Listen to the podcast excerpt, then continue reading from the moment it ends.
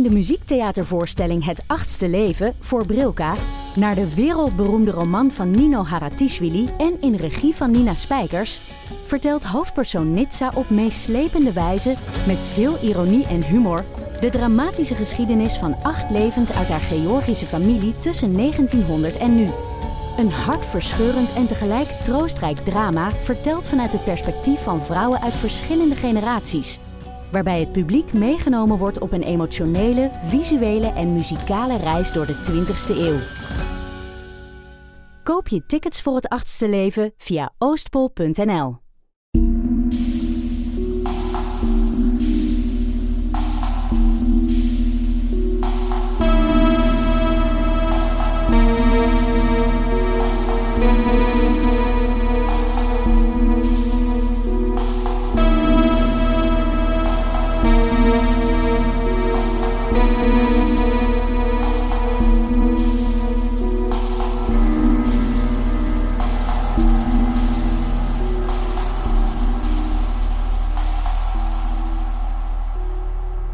Welkom bij aflevering 108 van de Volksjury. Wij zijn Laura en Silke, barely alive. Oh my, ik wou net zeggen, ik voel me echt alsof dat er een vrachtwagen over mij heen is gereden. Ja. Met alle dank aan het zomeruur uiteraard ook. Is dat, ik wou zeggen, is dat de enige reden? Niet dat je Het is een net zeven bijkomstige- live shows hebt gespeeld? Het is een bijkomstige factor, laat ik het, eh, laat ik het zo zeggen. Nee, het is ehm, super tof al geweest de afgelopen weken, maar ook echt... Ik ben kapot. Ik ben ook echt kapot. Ehm, en het ding is, ik was, toen ik naar hier aan het rijden was, aan het denken van... Ah, wauw, hè, maart is alweer bijna gedaan. En ik heb maar zeven herinneringen aan maart. En dat zijn de zeven live shows, waarvan er één niet eens in maart was. Nee, ik ben... Twee zelfs niet in maart. Ik was ook zo aan het denken van, inderdaad, oh, we zijn al april en wat heb ik gedaan de afgelopen weken? En ook zo alleen zo, ja, het enige wat ik gedaan heb, zijn die live of daarmee bezig geweest. Ja, ja, ja. En voor de rest misschien eens een klein uitstapje waarvan ik dan al snel spijt had, omdat ik of moest voorbereiden of gewoon te moe was, waar, dus ik, waar ik dus ook geen herinnering meer aan heb. Nee, nee, onze live shows, dat is wat in ons geheugen gegrift zit. Maar En tof ook, hè. ik bedoel... Oh, mannetjes, dit is zo leuk. Ja, dit was... Dit, dit- ik, echt, het heeft al mijn over, verwachtingen overtroffen gewoon. Ja, jullie zijn echt de beste. ja, ja. ja. Jullie zijn zo enthousiast. Eh, heel vaak horen we achteraf van de zaal van... Amai, wat was dat? In de positieve in zin. de positieve zin. In de positieve zin. Ehm, ik heb dit weekend een vriend gezien die dat eh, in Leuven toevallig passeerde ehm, aan het depot toen dat jullie daar in een lange rij op aan het wachten waren om binnen te gaan. En die heeft echt opgezocht Miley Cyrus Leuven. Omdat hij echt dacht... Ze hebben, hier iets- ze hebben hier per ongeluk iets geprogrammeerd dat, eh, dat te groot is voor het depot. Ja, kijk, wij waren het. Sorry, Leuven. Nee, ja, dank u Leuven, bedoel je. Ja, nee, maar gewoon dank, u- dank u aan alle steden waar dat we tot nu toe geweest zijn. Ook aan iedereen die van de ene kant van Nederland of België naar de andere kant is gereden om erbij te kunnen zijn. Ja, dat is echt waanzinnig. Ja, jullie zijn echt waanzinnig en we zijn zo blij dat we deze hebben mogen doen. Ja, we hebben er nog eentje te gaan op dit moment. Hoge verwachtingen voor Aalst. Ja, echt, maar Aalst, kom op, hè. Olst, represent. Kom aan, jongens. Nee, er is nog eentje. Maar ik ga wel echt in een zwart gat vallen. Want ik vind het ook gewoon zo tof om direct reactie te krijgen op wat dat wij zeggen. Ja, hier ja. zitten wij maar gewoon met ons tweetjes. En je weet niet wat mensen leuk vinden of interessant. Of, en tijdens de liveshows hebben we heel veel mensen horen lachen of zo Ja, dat horen doen. En dat is echt waanzinnig, omdat wij die gevoelens ook hadden, of die emoties, als wij de research aan het doen waren. Of, zo. Of, of je zit dan aan het opbouwen naar dat moment en je hoopt dat mensen doen. En dat gebeurt dan. Soms, Ja. soms ook niet, maar bon. Ja, het is, wel zo du- het is wel zo duidelijk van, ah ja, die dingen vindt Silke grappig, maar jullie niet. Oké, genoteerd. Zolang ik met mezelf plezier heb, is Nee, nee, ik bedoel, als ik iets breng en Ah, zo. dat jij dan moet lachen, en dan zit jij daar zo als enige recht tegenover mij te lachen, en dan zo die heel die zaal zo, ja, ga verder. Nee, nee, nee, nee. Ik denk dat... ehm, kijk, zolang wij pret hebben, Ja. de mensen ook wel pret hebben. Nee, nee, Ja. ik denk... Nu zijn we onszelf eh, tekort aan het doen. Mhm. Het is echt allemaal supergoed wat Ja. we doen. Ja. Ehm, nee, dus ja, wie weet een vervolg. Ja, Neon was al doen. we gaan dit sowieso nog eens doen. Ehm, en het enige wat we daarover kunnen zeggen is: schrijf u in op onze nieuwsbrief. Dat is echt Ja, ja, ja. ja. the way to go om eh, een update te krijgen. Ehm, om mails te vermijden, zoals na ons eerste boek. Wanneer komt boek 2? We gaan niet volgende week op tournee voor de tweede keer. Nee. Gewoon dat, FYI, dat gaat wel nog Het even zal duren. niet voor dit jaar Nee, meer niet voor zijn. dit jaar. Nee, nee, nee. Nee, maar we gaan wel nog iets tof doen, hè? We gaan iets superleuk doen. We eh, zijn gevraagd om eh, een showke te geven op Nerdland Festival. Eh, dat is geen live show, laten we daar wel even duidelijk over zijn. Want we konden gewoon zoveel meer doen. Dus wij waren, wij waren ready, ready to go. Ehm, wat gaan we, we, we staan daar op eh, zondag 28 mei. En we hebben een soort van talkshow in elkaar gestoken. Ja, er komen gewoon gasten bij ons op bezoek. We hebben vier segmenten Ja. dat we gaan doen. We gaan het over DNA hebben, over fucking maden en larven weer. Ja. Allemaal ons favoriete onderwerp. We gaan eh, het over eh, lijken hebben. En wat hebben we nog? Ja, een leugendetectortest gaat gebeuren. gaat gebeuren, ja. Ja, echt superveel zin in. Heel spannend, heel veel zin in. Iets eh, een beetje anders, maar toch ook zo heel vertrouwd. Het zijn eh, een aantal experts die jullie al kennen vanuit, eh, vanuit de boeken, dus dat is wel dat is leuk. Ja, tof om die een keer dan zo ook eens aan het woord te horen. Ja. Hè? Want tot nu toe hebben de meeste van jullie het gewoon gelezen. Mhm. Maar nu komen ze als het ware tot leven. Ja, en, en we gaan er ook gewoon leuke activiteitjes mee doen. Een paar leuke activiteitjes. Een paar leuke activiteitjes. Ehm, dus ja, als je getriggerd bent, kom. Ja, zeker sowieso. Eh, je kan tickets bestellen, bestellen via nerdlandfestival.be. Wij komen dus zondag 28 mei. Persoonlijk zou ik naar alle dagen komen. Ik ben eens eh, naar het programma gaan kijken en it looks amazing. Ja, ja, ja, Ik denk dat je veel gaat bijleren. Dat is ook de reden waarom dat wij experts mee op het podium vragen, omdat we een beetje schrik hebben eh, voor het niveau van het publiek en dat we zoiets hadden van wij met twee, dat trekken wij niet. We gaan daar wat dokters en, en, en, en, en Slimme mensen. op slimme zak. mensen op het podium zetten. Ehm, maar het wordt superleuk. Kom af. Dus dat is het eerstvolgende wat dat we Ja. gaan doen. Ja, maar daar vind je alle informatie op onze socials of op de socials van Nerdland Festival. Heel leuk. Ik heb nog een kattenverhaal. Het is lang geleden, hè? Is het erg? Heb je dat niet tegen mij gezegd omdat je dacht dat mijn teer hart dat Nee, niet ging nee, nee, aankunnen? nee, ah, eh, oké. nee, nee, nee, nee, Oh. nee, nee, nee. Ja, maar echt. Ik snap het. Ik maar je moet dat even weten, jongens. Soms verzwijgt die dingen voor mij en dan komt dat uit en dan vind ik dat nog erger dat ik dat niet wist op voorhand. Misschien ga ik hier dan ook spijt van hebben dat ik het niet eerder heb maar het is oké. Weet je nog, die paar... Ik kijk alsof dat ik zo ter adoptie word achtergelaten. Zo kijk ik nu naar Ook zo die puppy. Ja, zo, oh, wat is dit? Nee, weet je nog, een paar afleveringen geleden dat ik zo helikoptermom gewijs eh, schrok omdat Lucie een boom was ingeklommen? Ja. you remember. Wel, ehm, dus, eh, een paar weken geleden ehm, wil ik alle katten binnenroepen. Dat zijn er veel, zoals jullie weten. Dus dat duurt altijd even eer dat iedereen binnen is. Het is een fulltime. Ja, maar echt waar, echt waar, echt waar. En bon, van Lucie geen spoor. Dus ik denk, mm, waar hangt die nu weer uit?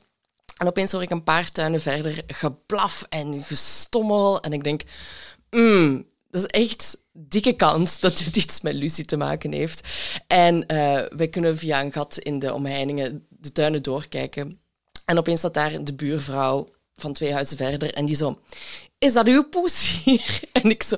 Ja, ik weet niet. Omschrijven de poes is... Ja, zwart met wit. Ik zo, oké.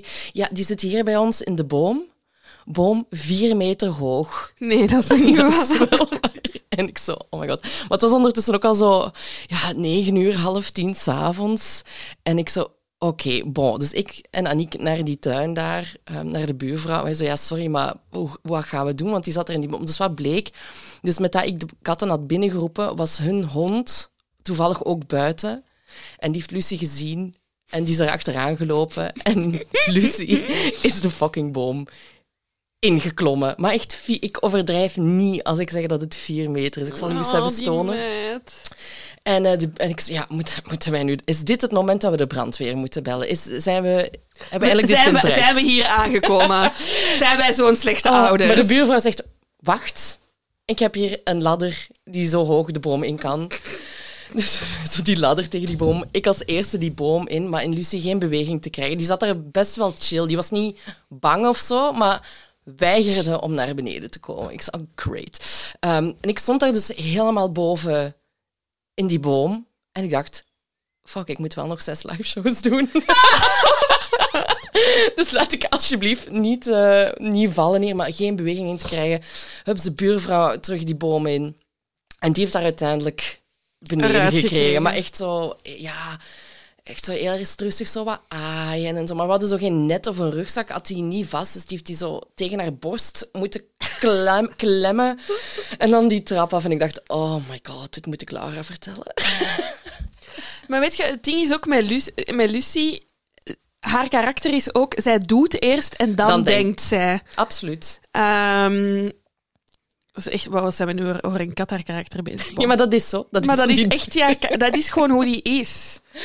En eh, het was Alma weer, zou dat eh, nooit voor hebben. Nee. Joost, Maar ja, pas op. Joost misschien nog wel. Ook roekeloos, hè, Joost. Oh, die man. Roekeloze gast. Echt waar. Maar ja, weet je, als je, als je angstig bent, ja, soms in een paniekreactie, doet je stomme dingen. Kijk, hè. het is fight, flee or freeze. En she, she chose flee. Ja, de hoogte Hops, die in. in. Hopsla! Maar hupsla! Maar echt vier meter. Ik dacht, dit gaat toch nooit goed komen. heeft toch een uur geduurd eer dat we Oh, dat dat meen je niet. Dat meen-. En wat voor een hond is het? Het is ehm, zo'n schapenherder, zo'n border collie, is dat dat? Ja, ja. Ja. mm, ja. Dus ehm, uiteraard loopt hij achter de katten aan. Dus de buren ook zo, sorry, sorry, sorry. Ja, kunt kunt je niks aan doen. Hè. Ik bedoel, dat is nu eenmaal zo. En zij zal waarschijnlijk in het tuinhuis hebben gezeten van hen. Zij laat altijd de deur opstaan, super attent voor als er katten s'nachts zouden binnenlopen, Ja, dat die daar ja. niet vast komen te zitten. En eh, net op het moment dat ik geroepen heb, is zij het tuinhuis waarschijnlijk uitgekomen. Heeft die hond haar gespot. Het was echt wel pure chaos. Samenloop van omstandigheden. Voilà, tot daar weer. Ik bedoel, het is mij ook gevraagd hoe dat met de katten was tijdens de signeersessie. Ja. Dus ik dacht, ik geef nog een update. Een kleine update. Alles in orde. Alright, van eh, poes naar mol. Ja, is goed. Perfect. Ehm, Eindelijk. Eindelijk. Eh, we zijn aan aflevering 2. Mhm. Ehm, we hebben al veel gezien. We hebben ook al veel met elkaar besproken Ja. erover. Eh, we zitten een beetje op dezelfde pistes. Eh, Wij zijn nog van het spreiden. Hè. Voor Mhm. Moet, aflevering moet, 5 moet, moet, spreid. Mhm. ik nog wat. Ehm, wat moet ik alvast zeggen? Dus ja, ik heb het al eens gedeeld op de stories, maar ik ken een van de eh, Hoe kandidaten. ongelooflijk is dat? Ja, Toos en ik hebben We Go Way Back samen in de scout gezeten, samen op vakantie geweest. Wij hebben al wat meegemaakt. Ik heb, En wat is, wat is uw perceptie van Toos in het echt en hier? Wel, het ding is, dus ik ken hem heel goed. Het, hij is ook de roomie van mijn broer geweest. Eh, Ik, eh, ik heb hem in alle mogelijke omstandigheden van zijn leven en hij mij ook gezien. En ik moet zeggen, in aflevering 1 dacht ik, hmm, hij is anders. Ja. Toos is echt... eh, oh, want hij gaat ook luisteren, dus ik mag ook niet te veel... Eh, maar niet in de verkeerde zin, maar Toos is wel center of attention. Die zuigt de aandacht naar... De spontane gast. Heel Ja. spontaan, eh, altijd vrolijk, gaat ook altijd de grapjas van de groep zijn. Eh, dat is iemand die je niet vergeet. En ik had wel het gevoel, nu in aflevering 2, dat de andere kandidaten wel al over hem zo'n dingen zeiden, maar dat dat op beeld nog niet echt is geweest. Mm, Hij is niet de gangmaker van de groep op beeld, voor mij. Mm-hmm, Ik, had er, ik dacht van, allee, ik had hier al meer grapjes of zo van hem verwacht, Ja, ja, ja. of op een of andere manier. En betekent dat dan ook voor u dat hij kanshebber is op de mol zijnde? Sowieso. Toos, van in het begin, dat is iemand die eh, met een lach heel goed de waarheid kan maskeren. Ehm, ik denk dat hij ongelooflijk goede mensenkennis heeft. Eh, en dat hij heel goed in een rol kan kruipen. Ja. Eh, dat denk ik wel. Ehm, en ja, het ding is, het noem het tunnelvisie, maar uiteraard zie ik dingen waarvan ik denk... Oh, jij sneaky Ja, ik mol. weet al. Want Ik- jij, het ding is, we hebben erover gesproken en jij haalde ook dingen aan dat je zei van ja, dat is echt gewoon molle De gedrag. patatten. De patat. In aflevering 2, die loopt naar die geschilde patatten nog voordat iemand iets kan zeggen en pakt die mee. Ja. Dan denk ik, ja, jij bent gebriefd. Dat is wel heel absurd dat er meteen... ja. Daar wordt ook niet over nagedacht. Nee. Zouden die patatten, geschilde patatten, voor iets anders kunnen dienen? Nee. Of Ja, waarom staan die hier toevallig? Is er een... Ja, bon. Het Ja. moet natuurlijk allemaal snel, snel gaan. Ehm, nee, Toos heb ik ook in het vizier. ja, en Eh, dan de- het met- gereedschap was ik Ja. echt van de gast. Je hebt dat hier dagelijks vast. En het lopen, hè. Ja. Want eh, Comfort zei het ook. Van Toos had ik nu wel meer verwacht qua conditie. En dat is ook wat dat jij eigenlijk dat zei zei. ik ook, ja. Dus bon, het ding is, ik, en zolang hij erin zit, wil ik hem natuurlijk altijd als mijn mol aanduiden. Gewoon, because it's fun. Ehm, en voor de rest zitten er nu zo wat twee nog Mhm. namen in mijn hoofd. En dat zijn eh, Thomas eh, de aardrijkskundeleerkracht. Omdat hij nog niet zoveel in beeld is Ja, geweest. hè? echt puur de theorie van niet veel in beeld, altijd in de buurt als er geld wordt verloren. Ehm, ja, gewoon zo wat... Ik weet het niet. Ik kan ook geen hoogte van hem krijgen van zijn karakter. Nee, ah, wel. Dat inderdaad. Bij iedereen heb je zo wel al een beetje een beeld. Behalve bij, bij Thomas. Maar dat kan hij ook misschien gewoon zijn als Ja, persoon of ja. zo. Ehm, en, en voor mij is nummer drie momenteel... Ik heb in de eerste, na de eerste aflevering zat ik op Connie. Mhm. Maar dan vond ik dat inderdaad misschien zo wel wat te snel. Allee, Ja, zo, dat ze te fel in beeld kwam. Maar nu toch ook Lieselot. Ja, dat is mijn Lieselot nummer met twee patatten.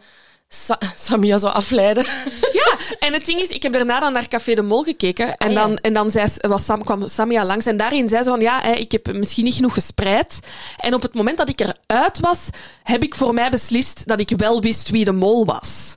En ik denk dat zij toen besefte, fok, ik heb een ganse namiddag met die... Allee, dat is nu mijn theorie als, Liese, als Lieselot de mol is. Ik heb een ganse namiddag mij goed gehad met Lieselot, terwijl dat hij mij gewoon aan het afleiden was. Ja, niet normaal. Ja, Ja, ja, want ik zou het ook gewoon extreem grappig vinden of goed vinden mocht de mol de eerste aflevering niet hebben kunnen meespelen, daardoor ook niet verdacht, Verdacht, worden. nee. Ook door de kijkers niet verdacht worden, want ja, ze heeft de eerste aflevering niet kunnen meespelen. Och, haar met dat kind. Ja. Oh, maar ze heeft wel de test overleefd. Wauw. Maar ja, het kan natuurlijk ook gewoon zijn omdat ze de mol is. Ja. Dat ze erin is gebleven. En dan vind ik dat wel, ja, wel weer een, een coole zet of zo van de programmamakers om de mol in die positie te zetten van ze doet de eerste aflevering niet mee en het is ha- haar en Toos en Ja. hoe, wie weet wie de vrijstelling gaat krijgen. Ja, of zij heeft echt gewoon drie maanden geoefend op schieten op een spiegel en Toos was gewoon beter. Ja, ja, ja, kan ook. Ja. En ze wou misschien zeggen van, ik wil gewoon die vrijstelling, dan denken ze dat ik heel competitief ben als mol. En dan gewoon Ja. gemist per ongeluk. Allee, of... Eh, Beide kunnen. Ja. Maar ik vind het wel interessant om u als mol in die eerste aflevering niet verdacht te maken. Mhm, want ze zeggen altijd in die, in die nabespreking, ja, maar als mol zou je toch nooit daar zitten of nooit daar zitten. Maar ik denk, ja, ik zou zeker één aflevering, anderhalve aflevering, zo weinig mogelijk mollen. Ja. ja, ik ben nu heel erg gefocust op ehm, als er proeven moeten verdeeld worden, wie er als eerste in aan bod komt en wat dan zo de meest interessante positie. En Ja. Dat heb ik vorige jaren nooit gedaan. Dat was even echt wilde gok Mhm, bij mij altijd. Maar nu probeer ik daar toch iets meer op te letten. Ja. En ik vind dat Lieselotte ook wel in de interessante positie heeft gezeten op de trein. Ja. Hè? Dat vond ik een belangrijke Ja. eh, plek om te zitten. Eh, de patatten schillen ook, want er is na vijf seconden een patat gegooid. Ja, en dan zo, oh, oh, oh, ik heb die patat gegooid. Ja, ja inderdaad. Ja, dus vond ik, vond ik verdacht. Maar bon, zo, zo is er voor iedereen natuurlijk wel iets Ja. te zeggen. Ehm, ik heb nog één vraag voor u. Matteo Simoni, wat vonden we daarvan? Ja, ik vond het heel goed. Van Steve. Ehm, ik vond het heel goed. Ik ga wel zeggen, er zijn denk ik niet veel andere BV's Klopt, met ja. wie ze het hadden kunnen doen. Ik dacht nog aan een Ella Leijers, was ook heel leuk geweest. ah, dat zou ook grappig geweest zijn. Ja, ja, ja. Ehm, of zo'n Frank Fokkentijn. Mhm. Maar dan stopt het ook wel. Het, het, het moest wel echt zo het summum voor mij van acteurs zijn of zo. ja, ja, ja. ja. Ehm, ik denk, en Matteo is een publiekslieveling en, en dat, ver, allee, dat, Zo'n James. Dat was niet vergeven door Vlaanderen, denk ik. Wel door mij, 'cause I love him. Ehm, maar ik denk dat ze met Matteo de juiste keuze Ja. hebben gemaakt. Ik persoonlijk, als tv-maker zijnde, als job, Mhm. ik had dat rood scherm geannuleerd. Ik had Matteo er productioneel ingehouden. Zeker drie afleveringen. Ja, maar dat is het spel, hè? Ik weet het. En dat siert de makers Ja. echt waar. Ik, ik, ik kan echt dus van, amai, chapeau dat je eerlijk bent geweest, want ik had snel een ander scherm gegeven. Ja. Gewoon voor de jolly. Want nu, het ding is, je pakt met je allee, stunt tussen aanhalingstekens uit en je zet hem weer kwijt na één aflevering. Waardoor, je dat je, kunt zo het nooit wat, meer doen. nee, waardoor dat je zo wat in hetzelfde stramien zit als oh, de mol is nog niet gekozen, toen in, gelijk toen in Vietnam. Ja. En, en ze proberen altijd zo die eerste aflevering speciaal te maken. En nu lijkt het ja, is dat, dat dat weer een stunt is voor één aflevering en nu zijn we weer bij... Ja, maar daar kunnen de makers niks aan doen, want Matteo heeft gewoon zijn test niet goed afgelegd. Nee, maar dat weet ik. Dat weet ik. Maar dus ik had als maker wel zo tot aflevering drie de Mattie erin willen hebben. Maar het ding is, ja, die man kwam net uit Cillian première. Ja, ja, die zat Die nog zijn in hoofd- Dennis Black Magic vibe, Ja. denk ik. Ja. Ik wil wel nog één ding, en dat is mijn enige punt van kritiek. Oei. Matteo is zo'n chameleon, die kan zo een karakter neerzetten, wel zwaar gebuist op het karakter van Steve. Ik was echt zo, je kunt pruik, je kunt je haar kleuren, je kunt Maar een ja, vals stel dat- gebied, je ja, kunt... ja. Ik wou zeggen, het, het was natuurlijk niet voor de hele reeks. Het was alleen maar voor die dag dat hem zich had moeten vermommen. Ik denk, hij had iets, dat hij zijn Limburgs aanhield, dat snap ik. Maar hij had denk ik... Allez, voor mij had hij iets meer mogen doen. Ja, ik vond ook dat hij het snel had opgegeven. Ja. Ik zou, ik zou daar gewoon hebben gezegd, maar nee, gewoon, gewoon blijven volhouden. Maar ja, bon, kijk. Het was funny met Matteo. Ik heb gelachen. Steve was een goede ja, naam. Ja, ja, ja. ja. Ehm, ja, ik kijk uit naar dit. Ik vind het een hele leuke groep. Ah, wel, het is echt vanaf seconde één dat ik aan het kijken was, dat ik dacht, ah, toffe groep. En ook de eerste keer dat ik na een aflevering weet wie wie is. Normaal heeft dat bij mij zo twee, drie afleveringen nodig. Of pas echt als de groep is uitgedund, dat ik echt kan zeggen, oké, die heet zo, die heet zo, die heet zo. En nu echt vanaf aflevering één was ik, oké, ik weet wie iedereen is. Ja, hele leuke groep, goed samengesteld. heel eh, heel, Heel tof. diverse groep Ja, ook, vind ik ook heel, goed. leuk. Ehm, eh, als Comfort is afgestudeerd. ja, ja, ja. Met, ik zit bij de gynaecologie in Jette, maar ik hoor jij ook binnenkort. Ehm, ik, ga, ik ga patiëntenwissel doen. Ik, moet, ik moet haar hebben. Ik vind echt, ja, eh, ja, ik ben wel verliefd op iedereen een beetje. Ja, ja, het is echt Behalve een op heel- thuis. Maar Nee, het is echt een heel, heel goede groep, toffe groep. Ja, ik ben echt benieuwd wat er nog... ehm. Dus kloppen we nu af op Lieselot, Toos en Thomas. en Thomas. ja, voilà. gewoon ook FYI, jongens. Wij gaan twee afleveringen na elkaar opnemen. Dus Eh, misschien, ja, jullie weten het al, want dit staat in de titel, maar eh, we hebben nog eens een oproep gedaan voor eh, jullie verhalen. Jullie waren met te veel. dus we gaan dit over twee afleveringen spreiden en we nemen die na elkaar op. Dus in de volgende aflevering is er geen mol-update. Dus we gaan echt oeh, we gaan tegen zien. de finale zitten. Ja. Eh, maar weet dat we... Ik probeer altijd live te kijken en mee op de grams zo wat grapjes te maken. Dat wordt wel geapprecieerd. Ehm, dus ja, voilà. Moest een van onze mollen afvallen, dan, eh, ja, dan wisselen we nog. Dan, dan zetten we het online wie onze nieuwe mollen zijn. Ja, dat is goed. Goed? Dat is goed, dat is goed. Oké. Heb jij wat tips? Ah, kijk, ik had ook dezelfde vraag. Ja, ik heb een tip. Eh, op Disney Plus staat de documentaire Stolen Youth Inside the Cult at Sarah Lawrence. En oh my god, is mijn mond meerdere malen opengevallen tijdens het kijken van die documentaire reeks. Dat is echt... Het begint eigenlijk op een universiteit, op een campus. Mensen zitten daar samen op kot. En op een gegeven moment komt een van de papa, een van de vaders daar, van de studenten daar wonen. En het gaat helemaal fout vanaf daar. En het is zo'n waanzinnige inkijk in hoe dat mensen, een groep, beïnvloed kunnen geraken door één iemand. Er, er wordt geen moord ingepleegd, laat ik dat even duidelijk zeggen. Bijna. Ja, hè, maar Ik heb er ooit een podcast over ja, gehoord. voilà. Maar eh, het, is, ehm, eh, het is waanzinnig. Het is echt... Je, je voelt zoveel medelijden met die mensen, wat dat die hebben meegemaakt. Want dat zijn mensen die... Ja, je bent net gaan studeren. Een jaar nadat je bent... Die zijn, mensen zijn jaren van hun leven kwijt. Echt een heel goede aanrader om, om te kijken. ik, ik begin meer en meer te beseffen dat zo de, zo uw tienerjaren niet zo problematisch zijn, maar het is echt die periode van 18 tot 23 waar je al wettelijk volwassen bent, Mhm. maar Want mentaal, niemand kan u helpen als, als jij zegt, nee, hoeft mij niet te helpen. Ja, Nee. niemand kan iets doen. en mentaal zijt je echt nog een baby. Het zijn echt hele moeilijke jaren. Ik besef dat nu pas achteraf, Mhm. dat dat zo'n moeilijke twisted period is of zo in je leven. ja, ja, want je begint opnieuw. Hè. Je komt in een omgeving terecht waar je niemand kent. En waar dat je eigenlijk ja, vertrouwt op de mensen die direct rondom je staan. En ja, in, in dit geval is dat zeer verkeerd eh, afgelopen. Dus ja, bon, ik, was, ik vond het echt een van de beste dingen die ik in lange tijd eh, Ah, gezien, heb, Leuk. gezien heb. Ja, op Disney+. Plus. Voilà, dat is mijn tip. Oké, ik heb eh, twee tipjes. Twee tipjes? Eentje is. ehm, nee, ze zijn eigenlijk. Het zijn twee opportunistische tips, maar ik meen, ik, ik, ik meen ze met heel mijn hart. Tip 1 is: heb je dit weekend nog geen plannen? Mijn lief organiseert een festival in Brussel. Eh, het is Listen Festival. Dat begint eh, woensdagavond en loopt tot ehm, zondagnacht. Er zijn 23 eh, evenementen op. nee, of 50 evenementen op 23 locaties. Echt Amai. intens. Het is een elektronisch muziekfestival. Ehm, ik ga naar de openingsavond, die is in Flaget. Eh, er is een concert in de kerk van Laken eh, met ambient muziek. Moet, gaat heel Oh, cool zijn. oké. Eh, Tsar B komt in de AB-club. er is een rave Ik vind dat je nu al de 50 Nee, Moet- nee. er is een rave in Centraal Station. Er is eh, een feest dat 32 uur duurt. Allee, het is echt cool. voor ieder wat wils. Eh, en Lucas heeft daar super hard aan gewerkt en ik ben heel trots op hem. Mag ook eens gezegd zijn, hè. Eh, onze liefjes zijn altijd trots op ons, maar wij ook op hen. Ehm, dus als je nog geen plannen hebt en een keer goed wilt gaan feesten in Brussel, Listen Festival. Het zal wel zijn. Ehm, en dan, ja, ik vind het jammer dat jij er niet bent over begonnen, maar ik bedoel, mijn acteerdebuut is te zien in 190 landen sinds vorige week. Eh, nee, ik, eh, eh, ik heb gefigureerd in een van onze eigen geproduceerde films, namelijk Noise ehm, op Netflix. Het is een ehm, psychologische thriller over een vader die een beetje een postnatale depressie heeft en dingen begint te horen en te zien. Ik zou zeggen, als je net ouder bent geworden, denk ik dat dit wel de meest traumatische film van je leven kan zijn. Niet kijken. Eh, en voor de rest, ja, ik zit ergens in de achtergrond drie seconden. Enjoy. Oké, oké, maar ik ga wel eens proberen nu te spotten. Noise op Netflix. Oké.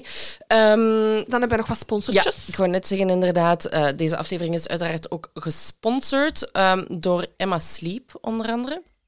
Ehm, we hebben een kussen gekregen. En ik moet zeggen, die van Emma, die weten ons wel te vinden op de juiste momenten. Ah, maar het zal wel zijn. Hadden wij al een goede nachtrust nodig? Ik denk het wel. Echt zo mid, mid-life. Zo, zo, hey, Emma wilt jullie... Ja, wij willen Emma ook.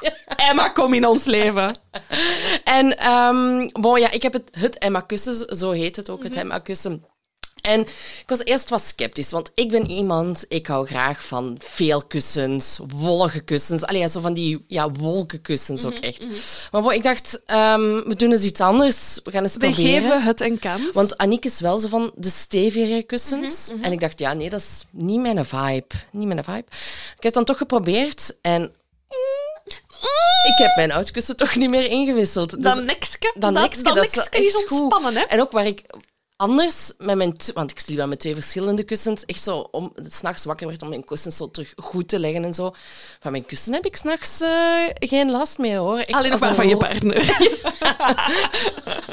Dat heb jij gezegd. Ehm, en ja, dat kussen dat is ook, dat bestaat uit ook zo verschillende schuimlagen. En je kunt dat dan aanpassen aan of dat je een buikslaper bent of een zijslaper. En ja, heerlijk. Ik, Ja, had heel echt, ik ben echt verbaasd over mezelf dat ik zeg: Oh, ik heb niet meer zo van die hotelkussens. Allee, Ja, ja, zo die dons, ik. donsie, Ja, ja, ja. ja. Ehm, dus wil jij het ook proberen? Ehm, dan kun je naar eh, emma-matras.be gaan.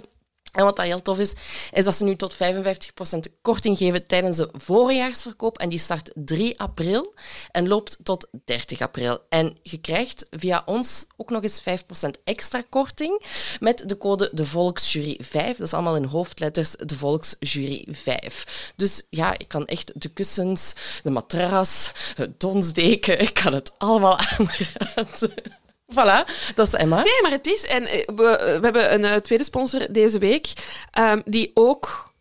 Ik heb het gevoel dat, die, eh, dat wij die sponsors meer nodig hebben dan zij ons.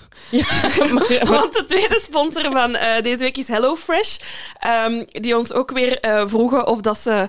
ehm, ons konden helpen met het organiseren van ons leven, zijnde eh, wilt je gewoon al je maaltijden aan je deur bezorgd hebben, niet moeten nadenken, niet naar de winkel moeten, alles is afgemeten en afgewogen voor u, gewoon wat olijfolie in huis hebben. Ups, Ja, Ah, fijn hè? fijn, fijn dat ik niet moet nadenken. Mijn box komt morgen toe en ik weet gewoon nu, en Lucas heeft Listen Festival, dus die is Oh. overal en nergens. We hebben nog één live show te gaan. En ik kan gewoon, ik moet niet, naar, ik moet niet naar de winkel. Alles is voor mij klaar. Ah, wel dat. Ja, heerlijk. Ik heb echt net, net hetzelfde, dat ik zo weet van... Oké, dit komt gewoon aan en ik moet echt alleen maar naar de winkel voor de essentials. Dat ik niet, want ik haat het om naar de winkel te gaan, dat ik niet ook zo om te koken echt zo grote boodschappen moet doen, maar gewoon even snel de winkel in. Ja, That's it. En ehm, vorige keer heb ik... eh, dat is iets wat dat dan zo niet in mijn aard zit. Je hebt dan keuze uit keiveel recepten. En je hebt er dan altijd zo'n paar zo premium. Mhm. En ben ik zo... Nee, ik moet dat niet hebben. De rest zal ook wel goed zijn. Maar vorige keer zaten die bao-broodjes daarbij. Ja. En Lucas had dat gezien. Hij was weer aan het spaaien, want ik ben de boodschappen en ik mocht dus ook kiezen. Ik had zoiets van, ja, ik kies dat. Eten is mijn verantwoordelijkheid. Mhm. Maar hij had die gezien staan en hij was zo, ik wil dat. Ik was, ja, we gaan nu toch niet van... Ik moet wel zeggen, die paar euro's, ze zijn het waard. Dat is lekker, hè? Oh, dat was lekker. Ja. En ik heb al zitten zoeken naar die fucking bouwbroodjes. Ja, maar Ik die zitten dus, als ze, als ze er zijn, dus als je HelloFresh klant bent of het nog niet bent, je meldt je aan. En de bouwers zijn er, Doen, doen, doen. die, die 2,50 euro extra per, bo- per box, het maakt niet uit. Gewoon doen, want het is wel echt... ehm, ik heb het recept, ja, ik weet het, sorry, dat waarschijnlijk niet graag bij HelloFresh, maar ik heb het receptje bijgehouden om het zelf te maken. Because Ja, love it. Maar ik vind ze dus niet. Ook niet in de Aziatische winkel. Misschien wel. Ik ben daar nog niet geraakt. Nee, jij zit gewoon aan het wachten tot het terug in het Ja, pakket van HelloFresh is. Gewoon om nog eens te Maar dan blijft het ook speciaal. Hè? Ja, dat is waar. Dan heb je zoiets om naar uit te kijken. Voilà. Goed, ehm, als jij ook een gestructureerd leven wil zoals wij, ehm, kunnen wij tot 75 euro korting geven op jouw eerste drie boxen. Deze code is voor nieuwe HelloFreshers, maar ook voor oude. Als je drie maanden geleden je lidmaatschap hebt opgezet, ga naar hellofresh.be of nl en gebruik onze code. Dat is HelloJury75, allemaal in grote letters. Ik ga dat nog eens zeggen. HelloJury75 ehm, voor die tot wel 75 euro korting op je eerste drie boxen. Voilà. Ehm, ik zie dat wij al een, eh, een half uur aan het losse flodderen zijn, dus ik denk dat het Ah, tijd de wordt. mensen gaan kwaad zijn. Love Oh. it! Voilà, dus wie geskipt heeft, stop met skippen. Hier gaat het beginnen. Hey, skippers, ahoy, hier zijn we dan. Ahoy. Heb je dat niet zo bij het woord skipper? Is dat ook zo'n Ah, wel, ik klein dacht dat dat bootje? de... Het wat? Een klein bootje, is dat zo geen skipper? Pff, Ik moet aan de dolfijn denken. Ah ja, kan ook. Ja. Ja. Ehm, ja, dus we hebben het al gezegd, het staat ook in de titel van deze aflevering, maar eh, wij gaan nog een keer goed losgaan op jullie verhalen. Wat hebben wij? Tien verhalen. Ja, en jij wou heel graag beginnen, dus... eh, Graag. Je vroeg gewoon wie gaat er beginnen. En ik zei, ja, ik ben het. Alright. Eh, ik wil even om te beginnen eh, zeggen... Dus we hadden voor de lols gezegd dat je Incoming eh Sans mocht ehm, schrijven. Er zijn mensen die dat hebben gedaan. Appreciëren wij enorm. We hadden ook gezegd max 1 à 4 en een ronkende titel. Hebben jullie allemaal gedaan. Jullie zijn... Ja. Wij zijn jullie niet flink. waard. Wij zijn jullie niet waard. Oké, ik begin met een anoniempje. En mijn anoniempje vloog er ook direct in, want haar titel of zijn titel of dienstitel was... Ik was getuige van een moord. Ah, great. Super. Dag volksjury. Ik heb één A4 de tijd, dus ik vlieg er meteen in. Ik ben op dit moment 32 jaar en verpleegkundige. Mijn verhaal gaat al enkele jaren terug in de tijd, in het jaar 2011, toen ik als groentje verpleegstage deed in het ziekenhuis. Om privacyredenen kan ik natuurlijk geen details zoals namen en plaatsen geven, maar laat mij dat nu niet tegenhouden. Ik werkte op de afdeling geriatrie bij de bommas en de bompas. Als student kreeg je dan de typische, tussen aanhalingstekens, studentenjobjes. Steunkousen aanvechten, helpen met een wandelingetje op de gang, poepen afvegen, alles wat. Het was niet allemaal even plezant. Maar wat ik ook altijd moest doen, dat was het eten, uitdelen en weer ophalen. Oké. Op zo'n afdeling liggen natuurlijk altijd patiënten die wat meer hulp nodig hebben en dan kunnen familieleden ingeschakeld worden om te helpen. Die hulp gaat van patatjes snijden tot het eten voeren, om het zo even oneerbiedig te zeggen. Op een dag ging ik binnen in de kamer van Edwina. Ze heet niet zo echt, maar ik vind dat een toffe naam voor een bomma. Dat is gelijk. Wij Ja, dat is ook. Edwina was al in een verder stadium van dementie en erg hulpbehoevend. Ze lag in bed, ze kon niet meer spreken, ze was gedesoriënteerd in tijd, ruimte, verward. Kortom, je kon er moeilijk contact mee krijgen. Edwina had een dochter die elke middag kwam helpen met het eten en dat was zo met de afdeling besproken. Laten we haar Vera noemen. Oeh, oké. Ik kwam dus met Edwina haar eetplateau de kamer binnen en wat ik zag is het volgende. Een verschrikte Vera keek op en at in haar handen het hoofdkussen van Edwina vast. Twee tellen wist ik niet wat, moest, wat, er, wat ik moest reageren. En dan vertelde ze me dat ze het hoofdkussen van haar mama wilde opkloppen en wat beter wilde steken, zodat ze recht zou kunnen zitten tijdens het eten. Een heel naar gevoel kwam bij mij naar boven. Ik heb de plateau neergezet en hielp eh even met het kussen op te kloppen. En ik vertelde het voor de voorval nadien aan de verpleegkundige die mijn verantwoordelijke was. Inderdaad, goed gehandeld. Ik had eigenlijk niet zien gebeuren, dus we konden er weinig mee doen. Het werd wel doorgebriefd, maar ja, er gebeurt zoveel op een afdeling. Enige tijd later vroeg Vera een gesprek met de dokter, want haar moeder had in haar huidige toestand niet echt een leven meer en Vera vroeg wat dat de opties waren in zaken levensbeëindigende therapie. Dat kan niet zomaar snel beslist worden. Daar is een procedure aan uh, die, daarvoor, die daaraan vooraf gaat. En gezien Edwina die, die uh, wens zelf niet meer kon uiten, kwam ze niet in aanmerking. -hmm. Dat vertelde de dokter ook aan Vera, maar die was het daar duidelijk niet mee eens. Een week ging voorbij en ik was weer eens eten aan het uitdelen en de pot schafte puree met vis in witte saus. I'd be happy. -hmm. Ik stond op de gang en ik zie Vera de kamer van haar moeder buiten komen en met een zeer snelle pas vertrekken. Datzelfde nare gevoel kwam weer naar boven en ik voelde aan mijn theewater dat er iets niet klopte. Ik snelde naar Edwina's kamer. En het vrouwtje lag in bed, ogen dicht gepitst, met tranen rollend over haar wangen. Toen ik haar naam riep, opende ze haar ogen en ook haar mond. En die mond zat vol gepropt met puree. Veel meer dan één normale eethap. Ik heb de verpleegkundige om hulp geroepen en ik ben met mijn vingers in haar mond gegaan om alle puree eruit te scheppen. Helaas, omdat haar mond zo vol zat, heeft ze een deel van de puree ingeademd, waardoor het in de longen kwam. Kort daarop heeft ze een longontsteking gekregen, is ze naar intensieve zorgen overgebracht en is ze daar overleden ben ik dus getuige geweest van een moord. Ik heb toen met de arts van de afdeling besproken wat ik zag en dacht, maar omdat er geen bewijzen waren, konden ze er niks van maken. Het was woord tegen woord. En voor Edwina zou het geen verschil meer hebben uitgemaakt. Maar ik moet meer nu zien zitten. Heftig. Heftig en ik begrijp alle partijen. Ja, sorry, ik vind... Ik, ik, ja, ook Vera? Um, uh, ik zeg niet dat ik hetzelfde zou doen en ik keur het ook niet goed, maar ik snap, ik begrijp van waar ze komt. Je hebt een hulpbehoevende moeder. Mm -hmm. Ik vermoed dat ze de enige is, aangezien dat zij daar elke middag voor haar moeder zit te zorgen. En dat kan u te veel worden. Ja, ja en je ja, kunt om hulp vragen en zeggen van kijk, dit, mijn moeder is zwaar dementerend. Zij beseft niet meer dat zij hier zit. Het is, het is, haar leven is naar mijn mening, want dat, allee, dat is de mening van Vera niet meer levenswaardig. De dokter zegt, ja, mm -hmm. volgens het papier kan het niet, dus we kunnen niks doen. Ik snap dat, dat misschien is dat voor Vera een schreeuw om hulp. En, en het, daarom, hè, dat is zo belangrijk. Ik heb dat ook gedaan. Bepaal voor jezelf wat dat de grens is en leg dat echt zelf op jonge leeftijd ja. vast in een testament. Ah, je hebt dat al uh, ja. vastgelegd allemaal. Ja, ik wil okay. niet... Uh, ik wil niet... Ik, ik wil niet... nee, maar oké, okay, dat is fair. Dat is fair. Um, dus ik snap dat, dat je zo ver gedreven kunt zijn in... Ik zeg niet, ik keur het niet goed, hè. Ik mag het hopen. Dat zeker niet. Mm -hmm. Maar ik kan wel geloven dat je zo ver gedreven ja. wordt. Ja, ja, ja. Ja. Maar verschrikkelijk. Maar, maar, maar ja, er zijn altijd andere manieren om daarmee om te gaan dan Absoluut, dat. absoluut, absoluut. Maar voor Vera zal die schreeuw om hulp misschien het gesprek met de dokter zijn, die haar misschien geen alternatief... Ik weet het niet. Ah, het is zo ja, moeilijk. Ja, ja. Maar in ieder geval, degene die, de, die het verhaal heeft ingestuurd, heeft op alle vlakken Amai. juist gehandeld. Amai, echt Om als knap. stagiair Ja. zo, zo verstandig te zijn, Ja, ik zou van de schrik waarschijnlijk niks durven ja zeggen. voilà, voilà. Dus goed gedaan. Heel goed gedaan. Goed, goed verhaal, schijnend verhaal, maar...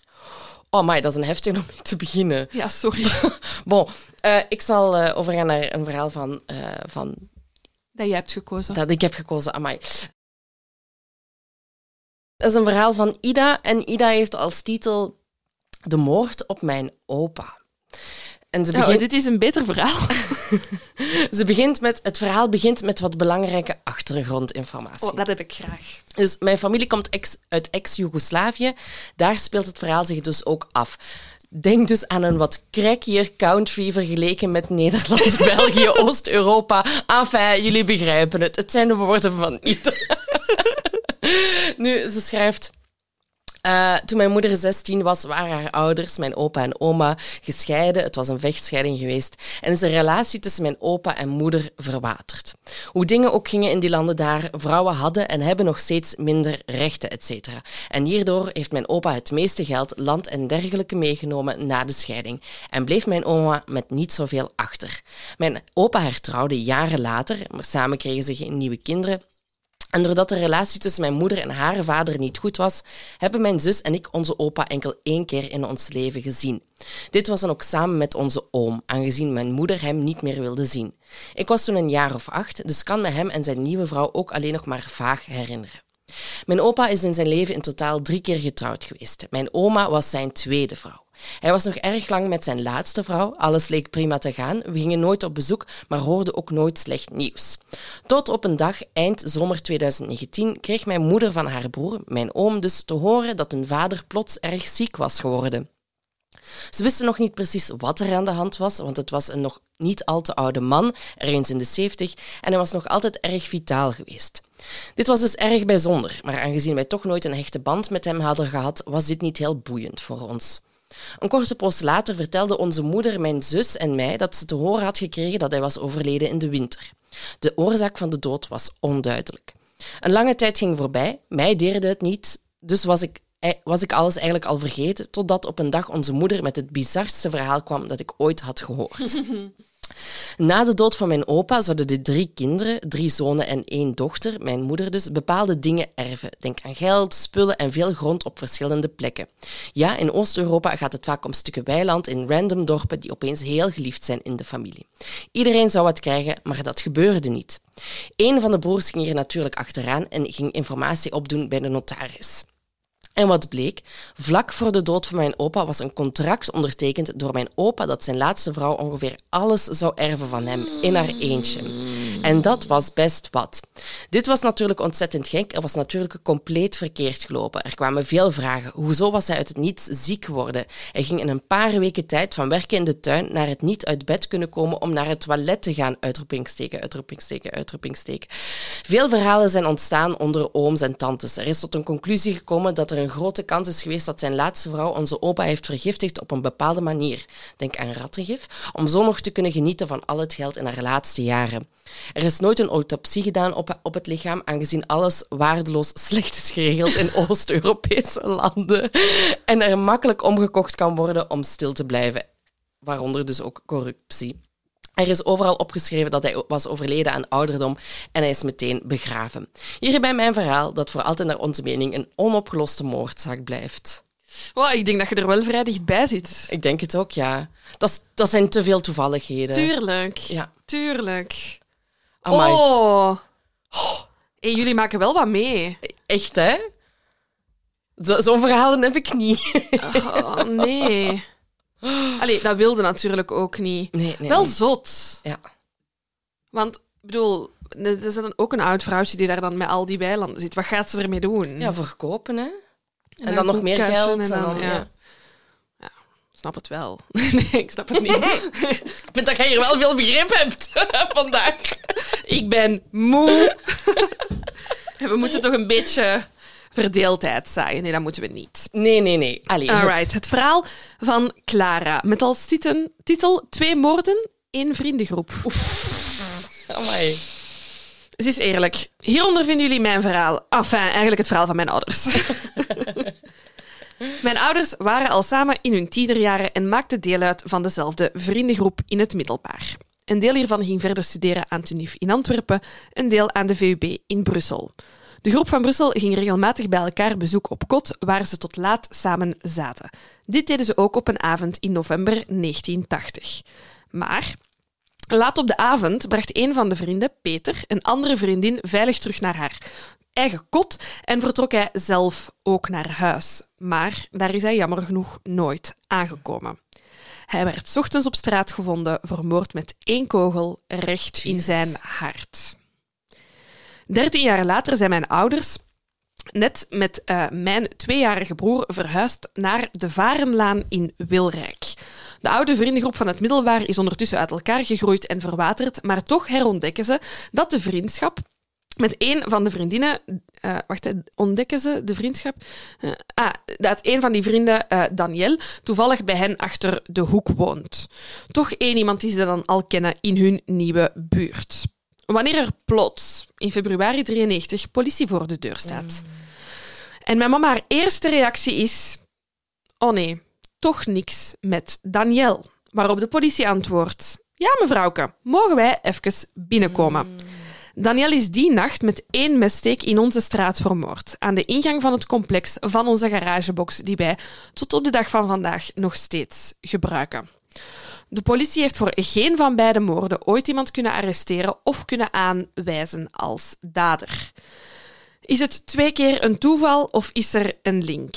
Is de dader iemand uit de vriendengroep? Er is zelfs een aflevering van Farouk over de cold cases geweest, maar die heeft geen verdere informatie opgeleverd. Als ik de deur uitga van mijn ouderlijk huis en ik stap naar links, dan kom ik voorbij de garageboxen waar Daniel vermoord is.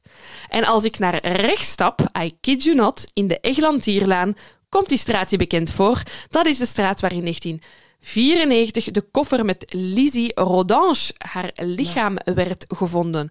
Je kunt je dus wel inbeelden dat ik altijd 1000 km per uur fiets wanneer ik vroeger ging feesten en terug naar huis ging in het donker. Het leukste dilemma s'nachts is kiezen welke crime scene ik wil voorbij fietsen.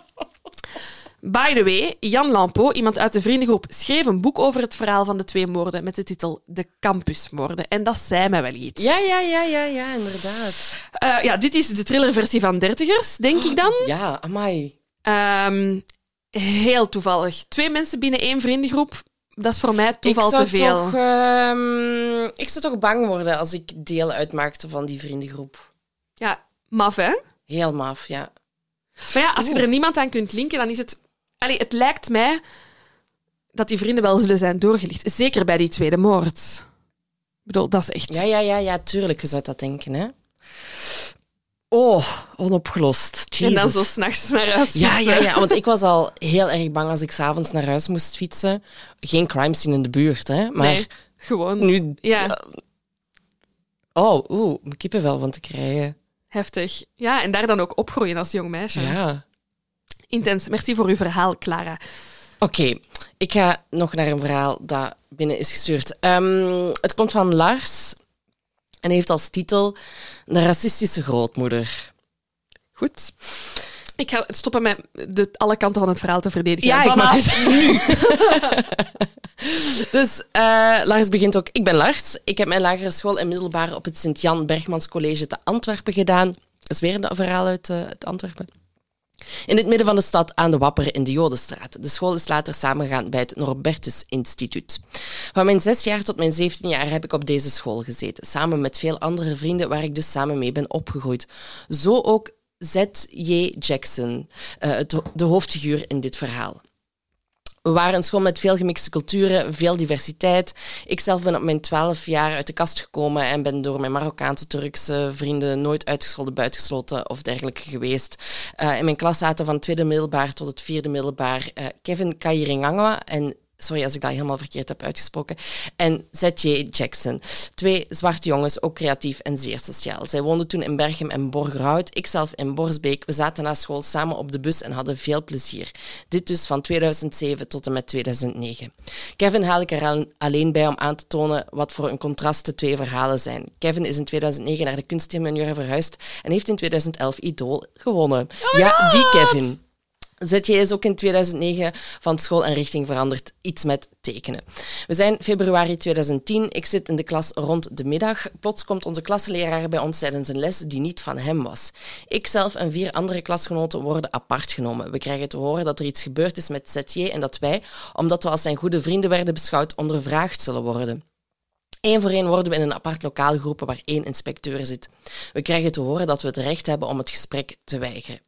Ik zet me neer en luister naar de inspecteur. Hij stelt vragen. Wat voor iemand was Setje? Wat was jouw relatie met Setje? Werd Setje vaak gepest op school? Wat weet je over zijn thuissituatie? Ik antwoord in alle eerlijkheid dat hij een zacht en lief persoon was. Een goede vriend, lag goed in de klas en in de vriendengroep, was opgewekt en goed gemutst. Later vernemen we het nieuws dat hij zijn grootmoeder heeft neergeslagen met een hamer en gewurkt met een springtouw. Blijkbaar omdat zij racistisch was en niet kon delen met het feit dat ze een geadopteerd zwart kleinkind had. Verder weet ik niet veel meer van de zaak. Ik was er toen niet zo hard mee bezig, wel van onder de indruk. Ik heb nog een krantenartikel gevonden, heeft hij meegestuurd. Maar in 2009 heb ik dus in de klas gezeten met een toekomstige winnaar van Idol en een toekomstige moordenaar. Moord met voorbedachte raden. Voilà. Heftig. Dat zijn contrasten, ja. Dat om zijn het, uh, contrasten. om het maar te noemen. Ja, en dan zo uit de klas gehaald worden van... Vertel het eens, wat weet jij hierover? Ja, jong, ik ben nooit voor zoiets. Allee, nooit voor een moord, maar zelfs niet. Nee, ik ook Ik was niet. echt een dikke en al mijn vrienden ook. Dus. Ja, same. Ja, heftig. Ja, dat Heel je, intens. Dat je op die leeftijd daar al mee in aanraking eh, komt, hè? Mhm. En, En ook ook- gewoon omdat je dat niet verwacht. Dat dat, en dan... ja, en wetende dat die jongen waarschijnlijk ook nog een tiener is als hij deze feiten heeft gepleegd. Ja. Ik hoop Ja. dat hij goed terecht is gekomen achteraf. Ja, we zullen het moeten opzoeken wat het er eh, van de jongen is gekomen. Zwat, ja, bedankt eh, Lars voor het, eh, voor het verhaal. Ja? Alright. Dan ga ik naar het drama van Daddy Zelen. Oké. Beste. Best. Beste. En vanaf dan is het echt zo heel vrolijk geschreven. Dus de beste doet het. is- Beste. Toen mijn zus en ik, Noor en Lena Ostijn, en onze achternaam is belangrijk voor dit verhaal, hoorden dat er opnieuw afleveringen kwamen met eigen verhalen, dachten we meteen hetzelfde. Laten we ons familiedrama, aka het drama van Daddy Zelen, eens delen. Oké, benieuwd. Een paar jaar geleden kwam ons tante met wel een heel opmerkelijk familiefeitje. Namelijk dat de grootmoeder van ons opa, haar partner, en dus de vader van haar kinderen, publiekelijk vermoord heeft. Maar laten we beginnen bij het begin. Oké.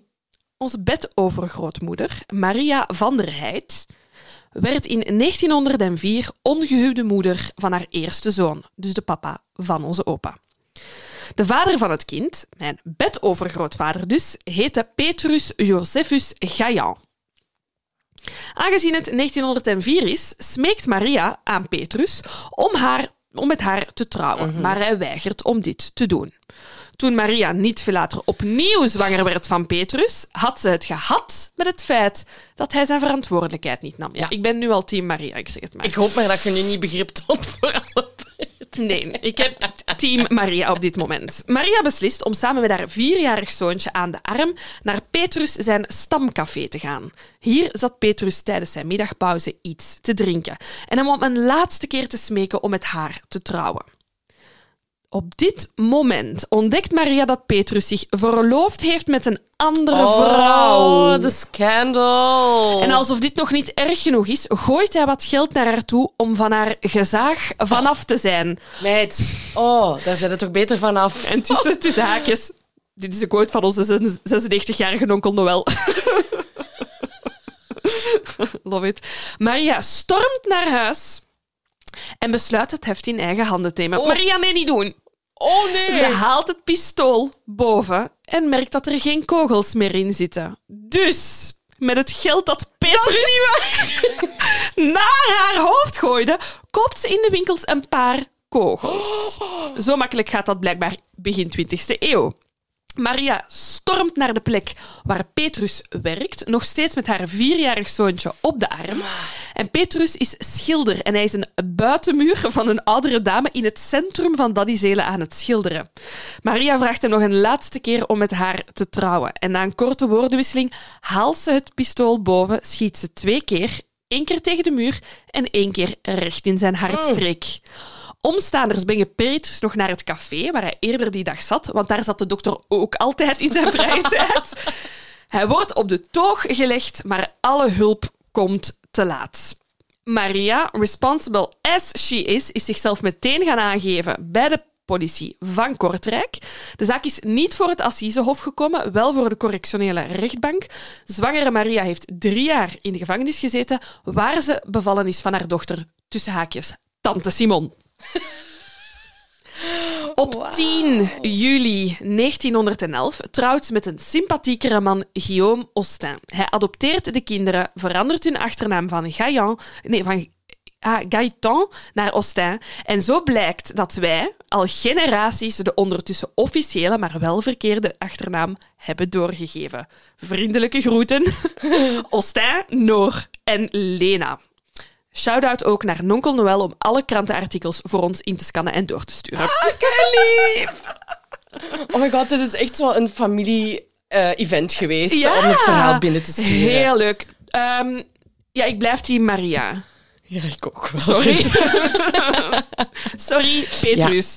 Maar je hebt het Oeh. zelf gezocht. Nee, dat is ook niet waar, maar toch een beetje. Amai, en zo goed 1904 of wat Ja, ja, en dan ook zo, ik zie die echt ook zo met dat kind. Ja, ja, en dan ja, met op dat die arm. pistool naar boven eerst tegen de muur. Ja, ja, ja. Oh, ja. she, she warmed him. En dan ook zo met zo, geen, geen kogels, geen probleem. Je hebt net geld naar mijn kop gesmeten. Ik koop u fucking dood. Ja, karma is a bitch. Heel goed verhaal, het drama van dat is Amai, kunnen wij hier geen, kunnen wij er niks mee doen? Ja, ik dat was net is Gemeente, dat is bel ons. Ik wil hier iets mee doen. Oh, we kunnen zo'n tourke maken. ja, dat is bel ons. Hier is de kogel ingeslagen Ja. in, de muur, in de muur. Dit is de toog. Hier zat de dokter altijd. Daar zat de dokter. Hij bestelde altijd porto. Dat wordt top. Ja, heel goed, heel goed. We gaan dat regelen. Ehm, het volgende verhaal komt van Sarah. Ze begint, beste volksjury, dag Laura en Silke. Eerst en vooral, merci voor de zalige podcast. Keep up the good work. Ik heb lang getwijfeld om mijn verhaal in te sturen. Het voelt niet per se als het mijne, maar het leven is aan de durvers, dus bij deze. Ergens in mei 2021 zat ik bij ons oma op haar terras. Wel, ik kort daarvoor afscheid moeten nemen van ons tante Nonneke, mijn oma haar zus. Een zalig figuur met het hart op de tong. Na een coronalockdown begon ze sterk te dementeren, waardoor het snel bergaf ging met haar gezondheid. Onze oma was herinneringen aan het ophalen toen ze opeens vertelde. Ze heeft het tijdens haar laatste dagen nog gehad over die verdwijning van dat nichtje. Excuseer, verdwijning van dat nichtje? Mijn nieuwsgierigheid nam de bovenhand en dus vroeg ik meteen waarover dit juist ging. Mijn mama pikte daarop in en vertelde over een tak van onze familie die in de Ardennen was beland. Het ging over verschillende nichten en neven van mijn oma. De dochter van één van die nichten verdween blijkbaar in de jaren negentig, toen ze te voet onderweg was naar huis. Mama wist de naam van het meisje in kwestie, niet meer, maar vertelde nog dat de familie destijds altijd gedacht heeft dat de seriemoordenaar Fourni- Fourniret er voor iets tussen zat. De regio en periode overlappen alleszins. Hierna schuimde ik het internet af en vond de naam van mijn ver familielid ook terug. Ehm, die ze liever anoniem wil houden. Ook de Wikipedia-pagina van Michel Fourniret spitte ik helemaal uit. Die zat nog steeds vast in de gevangenis. Mooi zo. S, zo noemt ze haar, toen 19 jaar verdween in december 1994 toen ze na een bezoek aan haar zus terug naar huis wandelde. Haar mama was daar gevallen en ze was op weg om haar te helpen. Een afstand van twee kilometer. Geen lange wandeling dus, maar S komt nooit aan. Er wordt nooit een spoor gevonden, geen lichaam, niets. Of hier heb ik toch niets rondgevonden. De politie beweert in het begin dat ze zelfdoding zou gepleegd hebben. De familie vreest eerder voor ontvoering of moord. Een tiental jaren later moet het gerecht de familie gelijk geven en wordt zelfdoding uitgesloten. Op een paar Franstalige artikels na is er helaas amper iets over de zaak te vinden. Best gek om te ontdekken dat de familie ooit te maken kreeg met een verdwijningszaak. En dan is er nog dit toeval. S verdween exact één dag voor mijn geboorte. Terwijl mijn oma haar tweede kleinkind mocht verwelkomen, kon haar nicht aan de andere kant van het land haar dochter niet meer vinden. En daar stopt het niet. Eén dag na mijn terrasbezoek bij oma en mijn extreem professionele research, Wikipedia en al, stond deze kop in de krant. Seriemoordenaar Michel Fourniret overleden. Toeval bestaat niet zeker. In een interview met Alain Remu stoot ik later nog op S haar naam. Haar moeder is helaas overleden zonder ooit te weten wat er met haar dochter gebeurd is. Blijkbaar hadden zij na al die jaren nog steeds contact. Ergens voelt het geruststellend om Alain zijn naam samen met de hare te lezen. Dan was er later toch een team die naar haar gezocht heeft. Bon, dat was mijn verhaal. Merci om de tijd te nemen om het te lezen, liefst Sarah. Oh, er zijn denk ik zoveel mensen pre fucking Dutroux die niet de juiste aandacht hebben gekregen. Ja. Ehm, allee, sorry, als iemand op weg naar huis, Op twee kilometer. dan, gaat, dan heb je niet ineens zelfdoding gepleegd. Nee, nee, nee, nee, nee. En vooral ja, het feit Fournierij was op dat moment actief.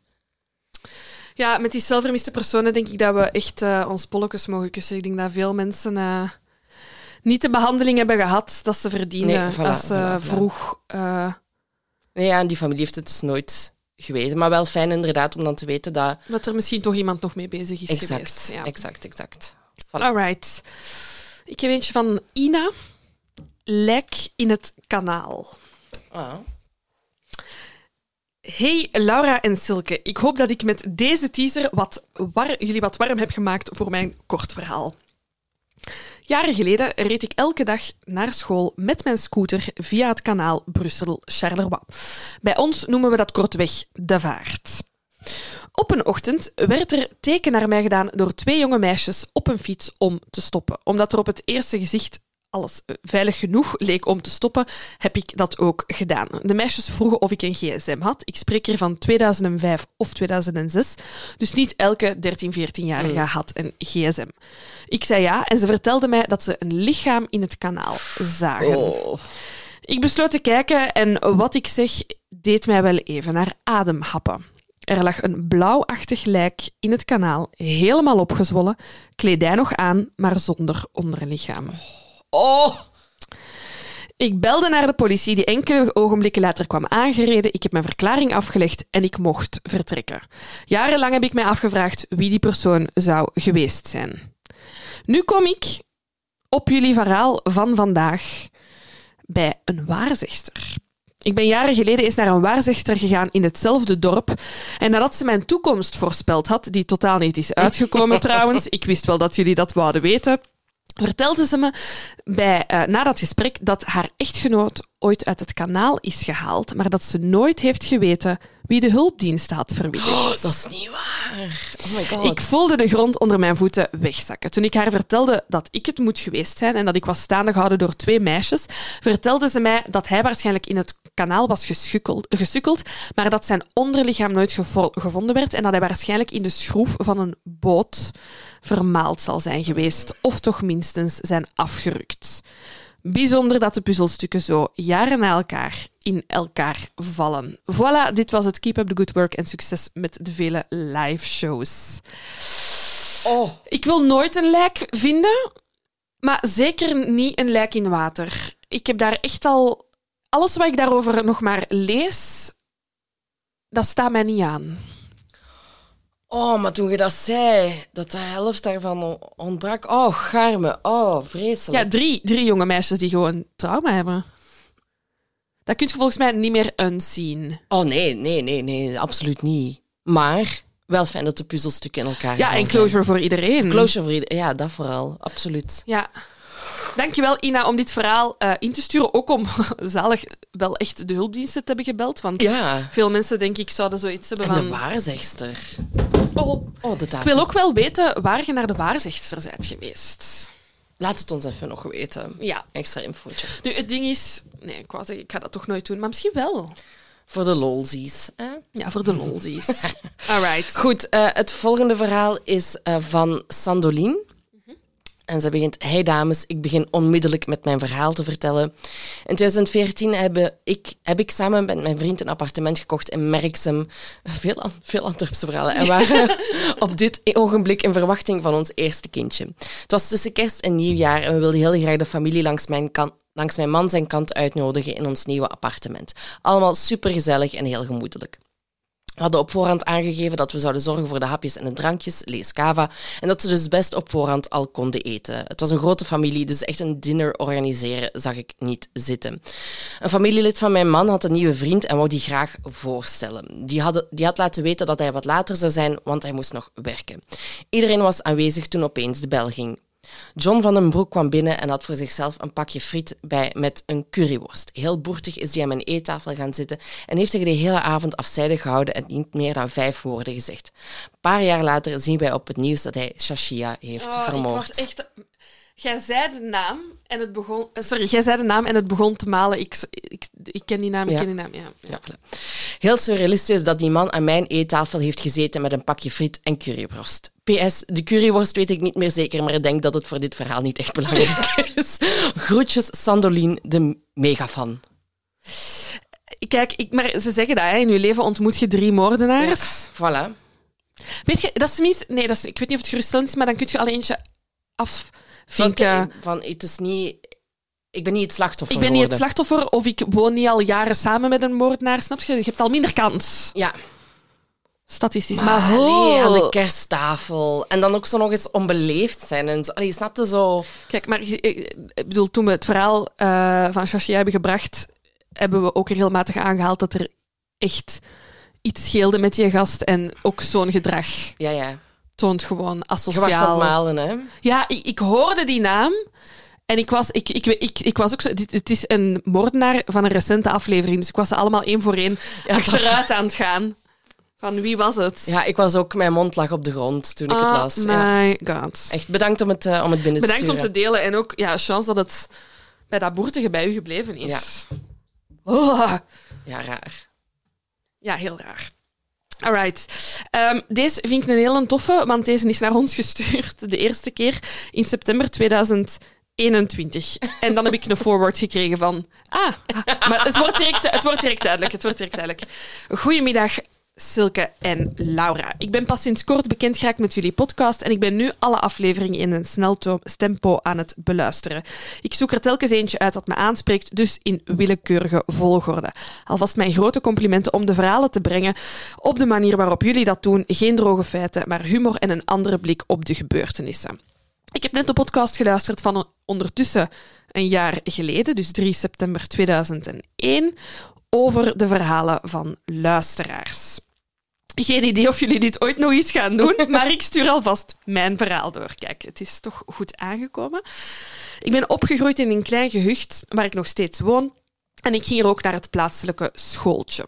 Vanaf de peuterklas zat ik samen met mijn vriendinnetje L in de klas. We wonen in dezelfde straat, dus het was ook voor ons vanzelfsprekend dat wij hier daarom beste vriendinnen moesten zijn. Ik ging heel vaak bij haar spelen en zij ook bij mij. Toen we in het derde leerjaar zaten, zijn haar ouders uiteengegaan. Wij waren ondertussen nog steeds vriendinnen. El ging toen samen met haar mama en haar broer terug bij haar oma en opa wonen om de situatie voor haar wat leuker te maken. Um, mocht ik er vaak gaan logeren, terwijl haar mama mindere leuke zaken moest regelen, de scheiding en zo. Dus heel vreemd, maar voor mij was het een leuke periode, want we mhm. waren veel samen, vol plezier, mooie herinneringen.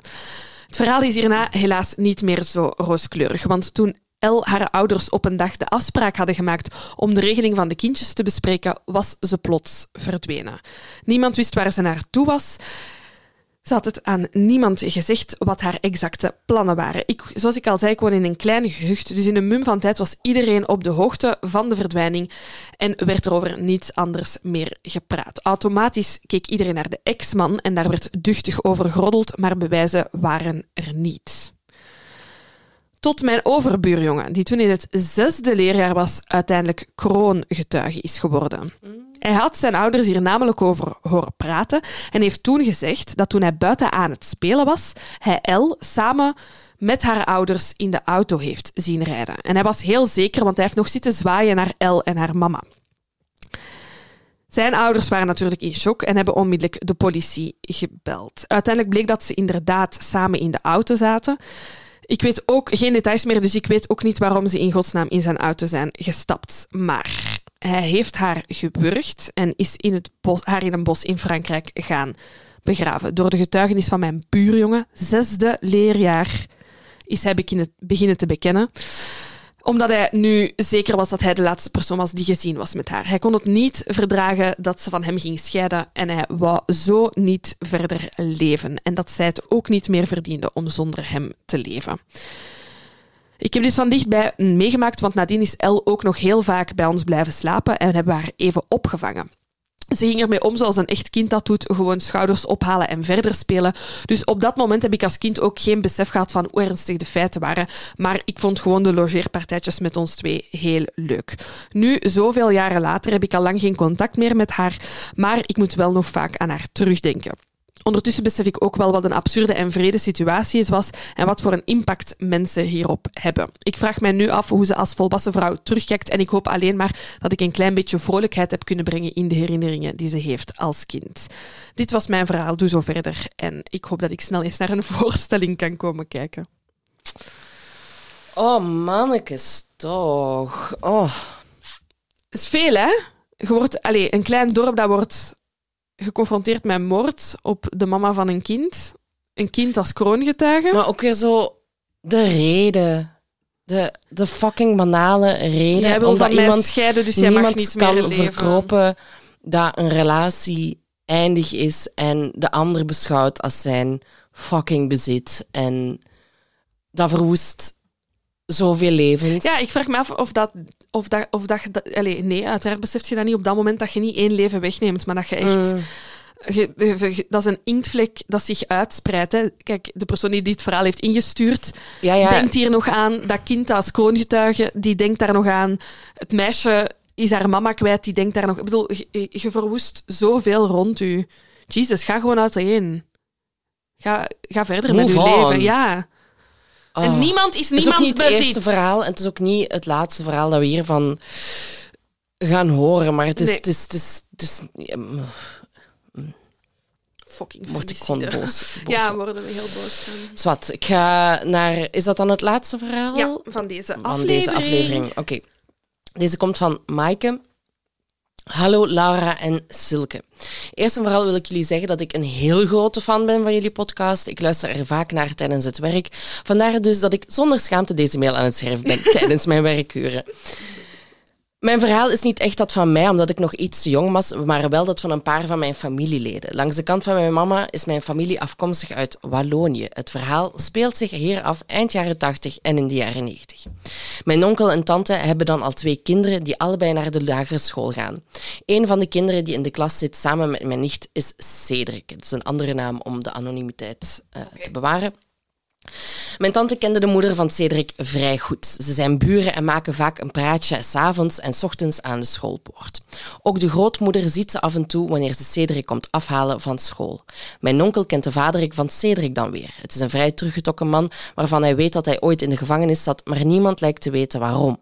In de buurt waar mijn onkel en tante wonen is in de gevangenis gezeten hebben nu niet bepaald ongewoon, dus hier worden niet al te veel vragen over gesteld. Opeens ziet mijn tante de moeder van Cedric niet langer aan de schoolpoort. Het is nu enkel de grootmoeder die hem op school afzet en hier ook komt halen. Ook het huis in de straat lijkt nu enkel bewoond te zijn door de grootmoeder en de zoon. De, de, familie vertelt dat de ouders op zakenreis zijn, wat vrij bizar is aangezien de moeder van Cedric een huisvrouw was en niemand eigenlijk wist wat de vader van Cedric als job deed. Er doen geruchten de dat ze in de gevangenis zouden zitten. Begin jaren 90 duikt de moeder van Cedric terug op. Ze doet alsof er niets gebeurd is en weigert te spreken over haar mysterieuze verdwijning. Ze woont opnieuw samen met haar moeder in het huis in de straat van mijn onkel en tante. Mijn nicht, die in de klas zit met Cedric, vertelt dat Cedric heel erg teruggetrokken is en weinig speelt met zijn klasgenootjes. Een paar weken later besluit mijn tante om de moeder van Cedric even te spreken omdat mijn nicht Cedric graag wil uitnodigen voor haar verjaardagsfeestje. De moeder van Cedric zei toen iets in de aard van: God, dat zal niet gaan, want zijn papa komt dan net terug van zijn zakenreis. Mijn tante had het gevoel dat ze iets verzweeg en dat ze haar zoontje zo ver mogelijk weg wou houden van andere kinderen en hun ouders. Een maand later zien mijn tante en onkel dat de vader van Cedric terug thuis is. Hij is nog meer teruggetrokken dan daarvoor en verlaat enkel s'avonds en s'nachts het huis. In de maanden daarna verhuizen de moeder en zoon naar een dorp verderop. De vader lijkt niet mee te zijn gegaan, want hij is nog steeds vaak in het huis, in de straat van mijn tante en onkel te vinden. Eventjes een flash forward, want dit begint lang te worden. Cedric krijgt al snel na de verhuis nog een broer en in 1995 krijgt hij nog een zus. In datzelfde jaar verhuizen mijn tante en onkel naar een ander huis in hetzelfde dorp. Ze zien de moeder van Cedric dus enkel nog aan de schoolpoort. De vader van Cedric wordt wel in dat, in dat jaar opnieuw opgepakt, maar na enkele maanden terug vrijgelaten. Cedric nog zijn moeder spreken hier met niemand over. Op de laatste dag van het schooljaar 1995-1996 spreken mijn tante en een moeder van Cedric nog met elkaar over de kinderen en hun vakantieplannen. Een paar weken later vernemen mijn onkel en tante, net zoals de rest van België, dat hun voormalige buren Marc Dutroux en Michel Martin opgepakt zijn voor de moord op Julie, Melissa, Anne en Eefje en voor de ontvoering van Sabine en Letitia. Mijn, mijn onkel en tante woonden namelijk net zoals zij in Marcinel. Ik denk dat dit verhaal wel kan tellen. Groetjes, Maaike. Ja, oh, echt. I'm gagged. Ik was echt aan het denken, wat gaat het zijn, wat gaat het zijn? Maar door dat kind was ik in de war. Ik dacht, ik dacht direct aan, eerst aan toe, maar ik dacht dan... Maar ja, uiteraard hebben die een kind. Die ja, ja, die hebben kinderen, hè. Ja. Ze heeft hem nu een andere naam gegeven, maar... Um... Ja, wow, toen ik dit las, Maaike, wat een fucking opbouw. Meid, jij kan schrijven? Wat een opbouw. Dit had ik in de verste verte niet uh, zien aankomen. Oh my god. Oh, kiekebis over heel mijn lijf. Ja, I know. Ik, ik, zag, ik zag u in, in mijn ooghoeken. Ja, echt, echt, echt niet normaal, dit verhaal. En dan komt het gewoon weer zo fucking dichtbij, hè? Ja. Ja, maar ik ben wel nog nooit zo dicht bij de troe geweest als nee. nu. Nee. Oh, die quote is ook buiten elke context niet oké. Oh. In context van deze aflevering snap ik het helemaal. Ja. Oh, nee. Dat is, um, dat is een pittige, als het ware. Maar gewoon dat zo... Ja, oké, dat zijn maar rare mensen. En oké, die gaan... Allee, mensen belanden wel eens in de gevangenis. En in de buurt Voordeel daar... van de twijfel geven. Ja, en in de buurt daar ja, gebeurt dat wel vaker. Allee, ja, bon, we zitten wat meer afscheiden van de rest van de zaal. Bon, dus bestaan er wel meer gemeenschappen, als het ware. Maar om dan de grootste crimineel van moordenaar van ons land als de buurt. En ver daarbuiten, oh my god. Mike, wauw. Wat een verhaal. Wow, een goeie om mee af te sluiten. Ja, ja, ja. En to wij gaan, think about. ja, en wij gaan nu zo dadelijk verder met aflevering 2. Dus ik ben heel benieuwd wat daar ook nog uit de bus gaat Ja. komen. Nee, dank u voor eh, alle verhalen. Ja, en ook gewoon even, jongens, het was al moeilijk om tien verhalen, maar we kunnen ook niet meer als tien per aflevering, want anders zijn we uren bezig. Ehm, maar het is duidelijk dat jullie dit leuk vinden, jullie kunnen dit goed. Ja, ja, ja. Eh, jullie hebben allemaal betere true crime verhalen dan wij. ja, ik, ik heb nooit iets om in te sturen. Nee, echt, ik was ook echt al aan het denken, ga ik zelf eens iets insturen bij een anonieme naam? Maar ik heb zelfs niks. Met een anonieme naam. Nee. Nee, nee, nee. Ik heb een heel verre link met, eh, met, eh, met Ronald Jansen, maar zelfs dat is niet, Niet dicht di- genoeg. Niet dicht genoeg Dus je zou niet geselecteerd zijn, moest Nee, je... klopt. Nee. Klopt. Eh, nee, maar dus we zijn weer streng moeten eh, geweest zijn. Eh, dus allee, voel u zeker niet slecht als je er niet, als uw verhaal er niet bij Houd eens zat. aan de kant voor... Ja, ooit Nog nog, eens. Ehm, oh, ik heb er weer hard van genoten. Op, op een goede en slechte manier. Beide. Alle gevoelens gevoeld. Ja, all the feels. Ja, op naar de volgende aflevering. Ja, zeg tot over één minuut wat ons betreft. En voor jullie tot over twee weken. Bye. Bye. Nog even over die grootse en epische muziektheatervoorstelling. Het achtste leven voor Brilka is een marathonvoorstelling van 5 uur. Koop je tickets voor deze bijzondere theateravond via oostpol.nl.